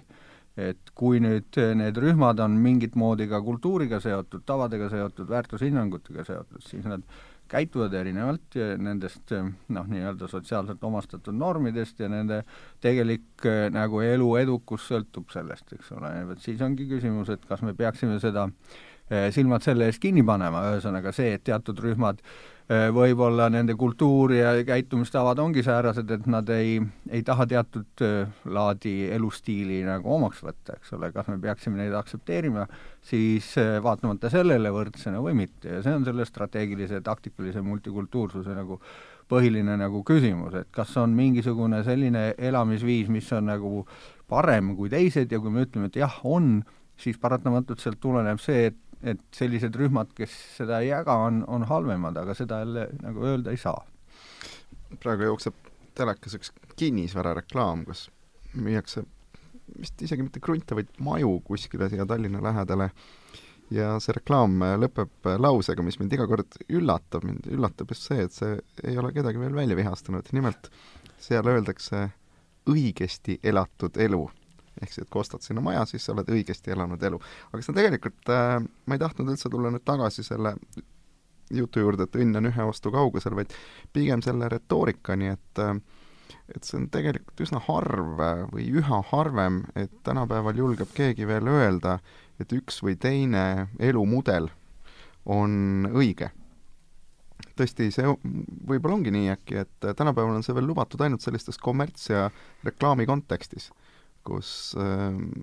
noh, see käib nagu mängu juurde, aga keegi ei anna sellele mingeid suuremaid poliitilisi või ühiskondlikke tähendusi mm. -hmm. tahtsid öelda? religiooni kontekstis ei tohi ju nii öelda. ma ei, ma ei tohi öelda, et kristlus on õige ja teised on üks ebajumala kummardamine. ei tohi öelda, et teised on hereetikud, skismaatikud või mis veel hullem, üldse paganad no kena, me oleme tund aega siin istunud, et äh, poole tunni jooksul peaks see asi siis saama äh, sadamasse viidud. peaks kõik selgeks saama? peaks kõik ja. selgeks saama, jah. ma hakkasin mõtlema sellesama, no tuleme selle multikultuursuse juurde nüüd, kui katsume tagasi jõuda, et mm, et niisugune suur, tuleb niisugune, esitan kahe minutiga suure heegelliku ajaloo skeemi, et et no kui see asi nüüd hakkab valgustusest pihta ja, ja teadusrevolutsioon ja siis meil tekib see tööstuslik pööre ja meil tekib siis töölisklass, mille, mille sobitamisega alates siis üheksateistkümnenda sajandi algusest noh, tekib suur, kuidas, kuidas äh, äh sobitada see vaesus, mis enne oli mööda palli niimoodi ühtlaselt lahti, laiali määratud, aga nüüd tööstusliku pöörde käigus äh, koguneb suurteks selliseks vaesuse kamakateks äh, ruumis. kuidas see sellesse olemasolevasse ajaloolisse struk-, sellise ühiskondlikku struktuuri ära mahutada ja noh, siin käib ikka pikk taplemine revolutsioonide ja kahe ilmasõda võib vaadata äh, selles äh, selles ähm, kontekstis ja, ja nüüd lõpuks siis Teise maailmasõja lõpul me leiame selle lahenduse lääs siis, et selleks on sotsiaalriik, et meid pannakse siis need töölised ja, ja, ja talupojad ja, ja, ja, ja kodanlus seotakse millegiga kokku, mis on siis seesama ühine suuresti rahvuse, rahvuse ideoloogia ja see, et siis noh, ja, ja muidugi Nõukogude oht on seal veel ka, eks, et mis, tänu millele kodanlus nõu-, siis lepib ähm, ulatusliku ül-, ümberjagamisega. et mulle tundub, et kogu see multikultuursus ja kõik see, millest me praegu räägime, selle taga, et see sellises majanduslikus, poliitilises plaanis on ikkagi selle äh, siis selle teise maailmasõja järgse pearavimi sotsiaalriigi äh, murenemine, et meil on põhimõtteliselt võimalik valida kahe asja vahel. Äh, sotsiaalriik, nii nagu ta on olnud Teise maailmasõja lõpust alates, nagu me tunneme, ja siis äh, noh, multikultuursus selles strateegilises mõttes, et need on põhimõtteliselt need kaks äh, võimalust suurt valikut, et mis eks see nii on, sest et ega niikuinii kuskile tagasi ei saa kunagi minna. ei saa alati saab minna ainult edasi ja muidugi see edasiminek, noh, see on ikkagi see probleem, et me tegutseme ju kogu aeg piiratud aja ja piiratud info ja piiratud muude ressursside tingimustes. Äh, noh, tõsi, võib küll naljaga pooleks öelda, et lääne ühiskond vähemalt tegutseb üha enam ja enam piiramatu inimressursi tingimustes, selle eest on vähemalt mamma Merkel ise hoolitsenud, et selle inimressursi puudust ei tekiks kätte. iseasi, kas see on lahendus Äh, aga äh, mulle tundub, et äh, need valikud, mille sa, Hardo, välja tõid, noh, nad ei ole ikkagi veel tegelikult, nad on alles sellises kristalliseerumise faasis. et äh, arutelu või võitlus või need mõlemad kestavad ja see, mis sealt lõpuks välja koorub, ei ole kindlasti see, mida me hetkel enda ümber näeme. ja, ja, ja, ja see ei ole see, mida keegi meist teadlikult valib, ma arvan, et see on lihtsalt ikkagi nii, jõud nii, käivad meist lihtsalt ja Äh,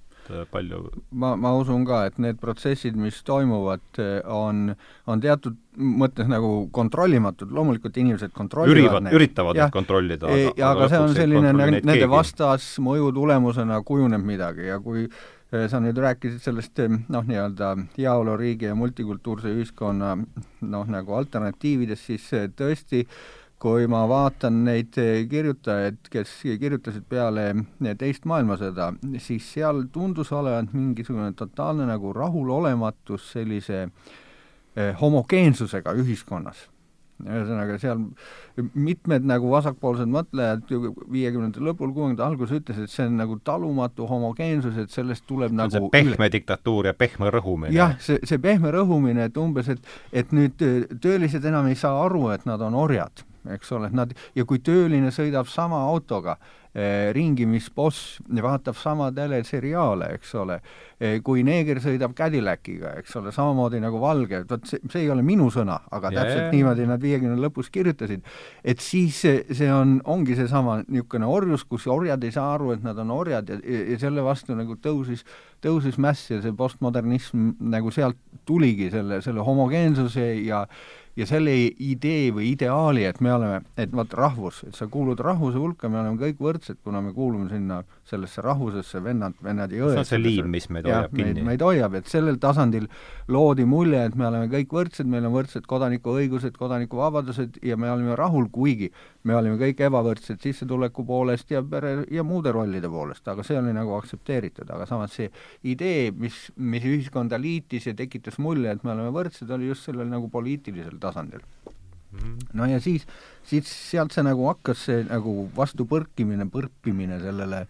sellele nagu homogeensusele ja, ja, ja pakutigi, eks ole, välja, et, et ei oleks enam midagi. nüüd see süvenes ja süvenes, nii-öelda hiljem nimetatakse seda nagu vedelaks modernsuseks, kus kõik nagu pulbitseb, eks ole, ja, ja see tundub olevat just selline katel, kus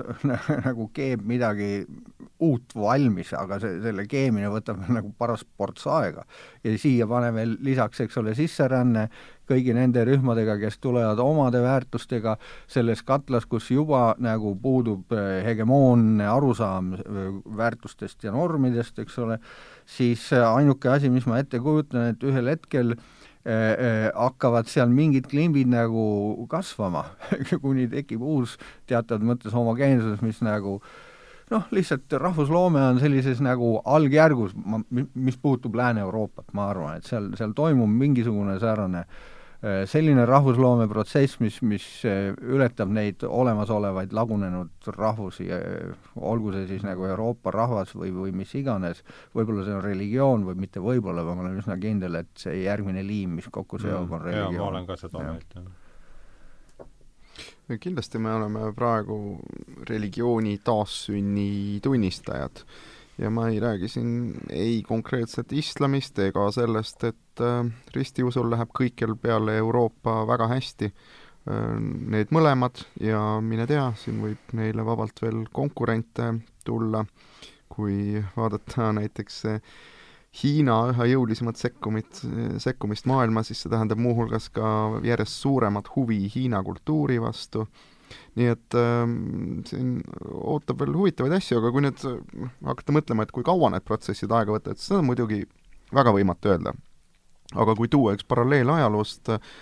Rooma impeeriumi lõpuga, siis võib öelda, et selle lõpu algus oli kuskil aastal nelisada paiku mm -hmm. ja kuskil aastaks kuussada oli Uus-Euroopa enam-vähem olemas. siis oli kui vaadata Euroopa kaarti aastal kuussada, siis me võime juba enam-vähem aimata suurte tulevaste rahvusriikide piire nii et noh, mingi kakssada aastat siis. nüüd ja läheb kiiremini, ma arvan. nüüd läheb kindlasti kiiremini, ma arvan, et äh, praeguse sajandi keskpaigaks on siin mõned asjad juba selged. et kommunikatsioonid on nii palju kiiremad, see nagu suhtlus sellise nagu et see, see toimib kiiremini nii info kui inimeste ja, liigutamine on info kui inimeste liigutamine toimub kiiremini. samas ja, üks sam tegur on samaks jäänud, nimelt äh, see, kui kiiresti uus inimene sünnib läheb mm, üheksa kuud põlvane. algul ja siis läheb veel vähemalt viisteist kuni mm. kakskümmend aastat, kuni temast saab äh, selline ja. poliitiline subjekt mm.. ja, ja, ja, ja siin see nagu huvitav küsimus on see, et kui me nagu enam-vähem näime, et me oleme nagu Lääne-Euroopa suhtes nagu mingil moel üksmeelsed, seal nagu pulbitseb midagi ja võib-olla sünnib midagi uut, nüüd küsimus on, et meie oleme siin serva peal. et kas me peaksime tegema selle arengu nagu läbi samamoodi, nagu Lääs on teinud, ühesõnaga, kas me peaksime liikuma samas suunas, Äh, võime, äh, sest ma arvan, et Eesti ei ole kaugeltki veel sellisel nagu arenguastmel või noh, nii-öelda need protsessid, mis nagu on viinud lääne sinna, kus ta on, et me oleme sellest nagu tubli pool sajandit maas tänu Nõukogude Liidule et kas me peaksime nagu rahumeelni nagu üritama käia need kõik need sammud läbi, et me lihtsalt järgneme Euroopale nii, nagu ta ees läheb, aga võib-olla me peaks nagu nagu vaatama, et kas, kas meil on mõtet nagu kõiki neid mullistusi läbi teha, võib-olla on mingid no, muud arengud. see on laiemas laastus kogu Ida-Euroopa probleem, eks ole. kuidas sa, Peeter, näed kogu seda Ida-Euroopa probleemistikku just äh, see, selles teemas, mida nüüd Martin visandas siin, et et et äh, jah, ütleme Ida-Euroopa laiemalt kogu selles äh, suures protsessis, mis praegu käib. Nojah, Ida-Euroopa on olnud hoopis teises rollis ja küünikud on ju ka öelnud, et kogu Euroopa Liit on olnud üks tööjõupuuduse itta nihutamise projekt. ehk mm, siis Ida-Euroopa ei ole olnud ju selles olukorras, kus äh, väga palju inimesi oleks tulnud äh, sinna või siia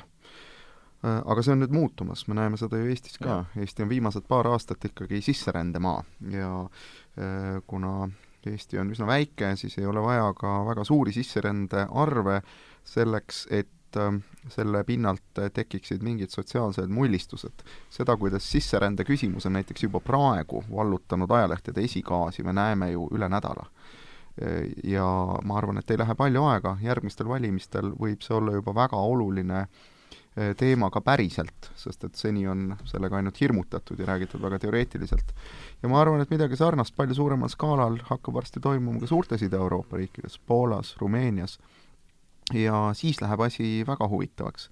ja muidugi siit ei saa jällegi ka julgeolekupoliitilist komponenti välja arvata ja see omakorda tekitab küsimuse Venemaast, kus on jällegi toimumas ka äärmiselt huvitavad demograafilis-religioossed protsessid, mille tulemusena sajandi keskpaigaks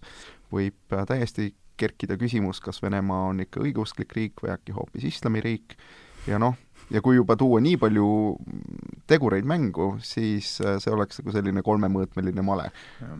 tuleb meelde üks Max, Max Steini, keda siin sai ju täna juba siit, sellesse common sense'iga, et, et aastaks kaks tuhat viiskümmend on esim-, Venemaa esimene tuuma, tuumarelvadega siis äh, riik, millel on, moslemiriik, millel on esindatus äh, seal äh, julgeolekunõukogus, juhul kui Prantsusmaa sinna kõigepealt enne, enne neid ei jõua Prantsusmaa jõuab sinna enne, ma arvan. aga, aga siin, kui nagu mõelda võtab päris hästi ja. kokku toimuma. et, et kui seda sisserände küsimust võtta ja mismoodi ta võib olla mõne aasta pärast meil juba nagu reaalsus, millega arvestada, arvestades, et Eesti on niigi väike, eks ole, ka väiksed hulgad on on proportsionaalselt suured. et nüüd küsimus ongi eh, siin, kus see strateegilise, taktikalise multikultuursuse, mitmekultuurilisuse nagu ideoloogiline erinevus tuleb nagu esile või see, see hakkab mõjutama Eesti arengut, et kui, kui me kui ühiskond kaldub Eestis selle strateegilise multikultuurilisuse poole, siis, siis see tähendab seda jätkuvalt poliitilist kontrolli selle üle, et või poliitilist korrektsust selle üle, mida sa nagu tohid öelda teistele, ühesõnaga jätkuvalt sellist nagu väärtuslist killustumist, noh, põhimõtteliselt sedasama uue rahvusloome nii-öelda poti keeda laskmist, eks ole, laseme killustuda, kuni on, kõik on nii palju killustunud, et sealt nagu siis tekib midagi uut välja, eks ole, nagu fööniks tuhast või siis teine on äh, võtta see äh, taktikaline multikultuursus ja üritada selle olemasoleva tuuma ümber äh, siduda neid, kes, kes siia tulevad. ehk siis noh, jah, lõimida. no tundub küll, et see liberaalsuse pendel on nüüd noh, et see pendel on liberaalsuse poolel ära käinud ja praegu käib nagu võnge teises suunas, et kui nüüd isegi parteipoliitika kõrvale jätta, siis kas või see kohati üsna teravaks ja intensiivseks läinud arutelu äh, kõrghariduses äh, valitseva keelelise olukorra üle näitab ju seda, et äh, siin ei olda siiski rahul nende arengutega, mi-, mida on viimase paarikümne aasta jooksul lasta toimida. jah, ütleme, meil siin jäänud mingi minutit viis, maksimum kümme, et võib-olla, järsku tulekski keele. Martin, oled ju eesti keele, see on sinu ju otsene eriala, eks ole, et mis me siis, mis teeme selle no,? ei no mis me mida, nüüd on aeg hakata ilma rahvale andma soovitusi, mida teha tuleb. ja e, selge, et rahvusloome juures on keel nagu äärmiselt oluline tegur, eks ole, sest ühiskond peab mingis keeles suhtlema, ta võib olla kakskeelne, kui on kõik kakskeelsed või, või mida iganes noh, Eesti kultuur toimib eesti keele põhjal ja ma arvan, et ta ei toimiks eh, mõnda aega üleüldse, kui, kui see nagu jär-, järjepidevus katkeks, eks ole, et siin on ikkagi palju sellist kultuurilist materjali, mis mis, mis sidustab seda ühiskonda. nii et, et ma arvan, et keel on siin nagu absoluutselt oluline küsimus ja nimelt seetõttu ka veel, et kui me vaatame selle sisserände kontekstis, Eh, siis need inimesed, kes siia tulevad ja kui me nagu otsustame, et me neid väga ei lõimi, siis nad nagu kasutavad tõenäoliselt, olenevalt sellest, kust rohkem tulijaid on, kas inglise keelt või, või siis vene keelt. ja kuna nenda, nemad ei oska kohalikku keelt, siis see seab nagu eestlased olukorda, kus tuleb rääkida nendega selles keeles, mida nad oskavad, ehk siis et kui me vaatame, ütleme, muu maailma sisserännet nagu suurema, et kui see kasvab suuremaks kas või välisüliõpilaste või, või talentide ja spetsialistide arvel, siis, siis see muidugi tõstab inglise keele kaalu, umbes nii, nagu Nõukogude ajal, eks ole, Nõukogude sisseränne tõstis vene keele kaalu, kuigi need ei olnud kõik venelased, kes tulid, nii nagu kõik need, kes tulevad, ei ole sugugi inglased, eks ole.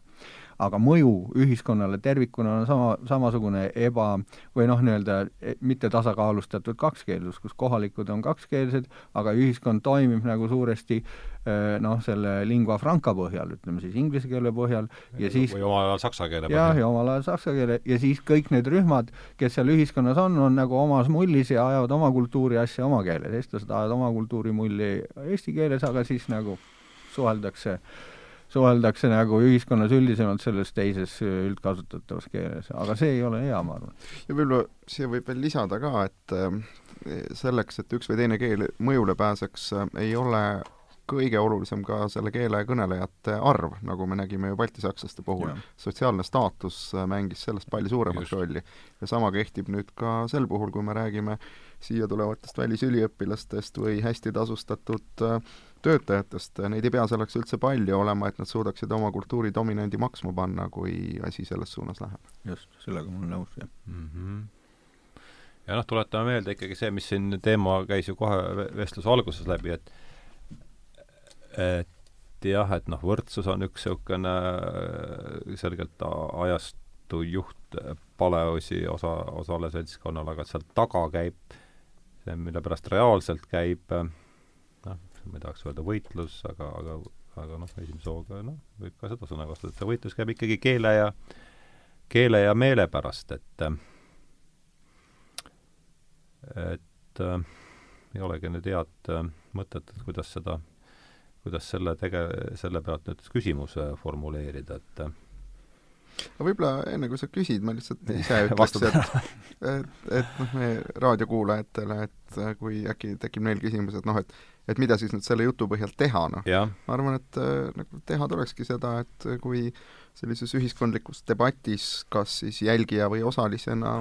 osaleda, siis kindlasti üks ajastu nõue on olla tähelepanelik nii teiste kui iseenda sõnakasutuse suhtes, sest et iga sõna ei pruugi tähendada ainult seda, mida ta harjumuspärases või tavatähenduses tähendab. jah, ma olen sellega ka täiesti sada, protsenti nõus, et see et see, me oleme harjunud, et kõikidel äh, probleemidel on poliitilised lahendused, aga, aga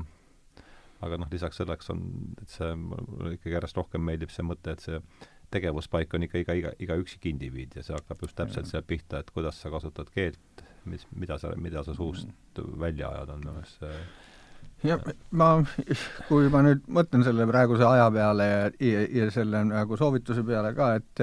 et mõelda, mida öelda, mis on väga hea ja, ja õige eh, nõuanne, siis aga see, et öeldakse ja minu meelest öeldakse rohkem ja, ja nagu teravamalt või noh, ühesõnaga, et et teatud sellised küsimused on, on muutunud noh, nii-öelda ideoloogiliseks, tõesti fundamentaalseks või nende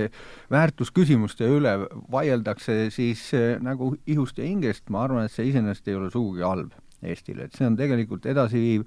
eh, et, et noh, teatud rahulolematus on selle põhjuseks, aga mingisugune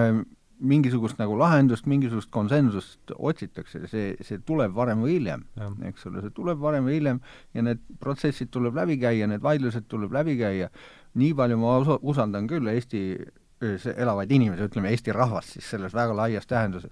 et, et vaielda või, võidakse, aga, aga ma ei usu, et Eestis asjad nagu käest ära lähevad. ja seetõttu ma olen nagu päris rahulik, nähes vaidlusi. ja ma arvan, et see on nagu positiivne. no ja ütleme, see ohukoht on võib-olla, ma olen nõus sellega, mis sa räägid, aga et ma arvan, et ütleme, see ohukoht on võib-olla see, et kui läheb pealinnas siis laiemas vaates globaalselt asjad käest ära, et siis see reformatsioon, ütleme sealt äh,, mulle meeldib seda praegust ajajärku reformatsiooniga võrrelda, et, et kui see seal nagu pealinnas mida sa pealinnaks nimetad no praegu? siis Euroopa Liitu ja Ühendriike, et okay. selles, selles äh, metafoorses mm -hmm. tähenduses, et kui seal asjad lähevad äh, niimoodi, võtavad äh, vägivaldse pöörde, et siis see supp lihtsalt äh, võib siia, siia valguda, sest me mingil määral, äh, mulle tundub, et me ikkagi seda fraseoloogiat ja probleemistikku juba impordime sealt, sealt ma arvan, et poolt äh, et me, me, me kordame neid vaidlusi küll, mis Ameerikas on praegu. jah, ma arvan siin momendil, et on ju, sul ka see ju sama, sama nagu, fenomen on suhteliselt sarnane. nii ta on jah, aga noh, eks hirmul on ka suured silmad, ma arvan ka, et see on, väärtusküsimuste üle vaidlemine on hea ja ega siis see ei käi nii, et, et mida ägedamaks läheb vaidlus, seda suurem oht on, et kaklema hakatakse, pigem võib see olla nii, et mida ägedam on vaidlus, seda äh, rahulikum on pärast olla, sest aur on välja lastud, nii et ja, ma ei, ma ei karda ka ägedaid vaidlusi. see ja, on ka õige tähelepanek, jah. aga noh, selles mõttes ikkagi jah, et maksab nagu sellist äh, tuule külvamine ei ole üheski, üheski selles kontekstis vist hea mõte või? ei, seda küll, kui ma ütlesin ka äge vaidlus, siis ma ei mõtle selle all, et loopida suvaliselt võimalikult vängeid sõnu ilma tagajärgedele mõtlemata, vaielda võib ägedalt, aga enne peaks endal ka selge olema, mille üle vaidlus käib ja mis on kaalul. ja mis sa ise üldse tahad, ma arvan, see on mm. ilma iga, iga vaidluse puhul sisenemisel on see, et mida ma siis reaalselt üldse äh, soovin. no vot, aga siin on ju lõpujagus nüüd soovi, ülesehituslikke soovitusi õige mitu kohe, et et meil siin kell surub peale, Peeter peab minema vastu uutele väljakutsetele ja, ja tähendab seda, et meil on nüüd aeg tõmmata vestlusele joon alla, et tänan teid tulemast, stuudios olid siis Peeter Helme, Martin Ehala, mina olin saatejuht Hardo Pajula ja järgmise korrani. head aega!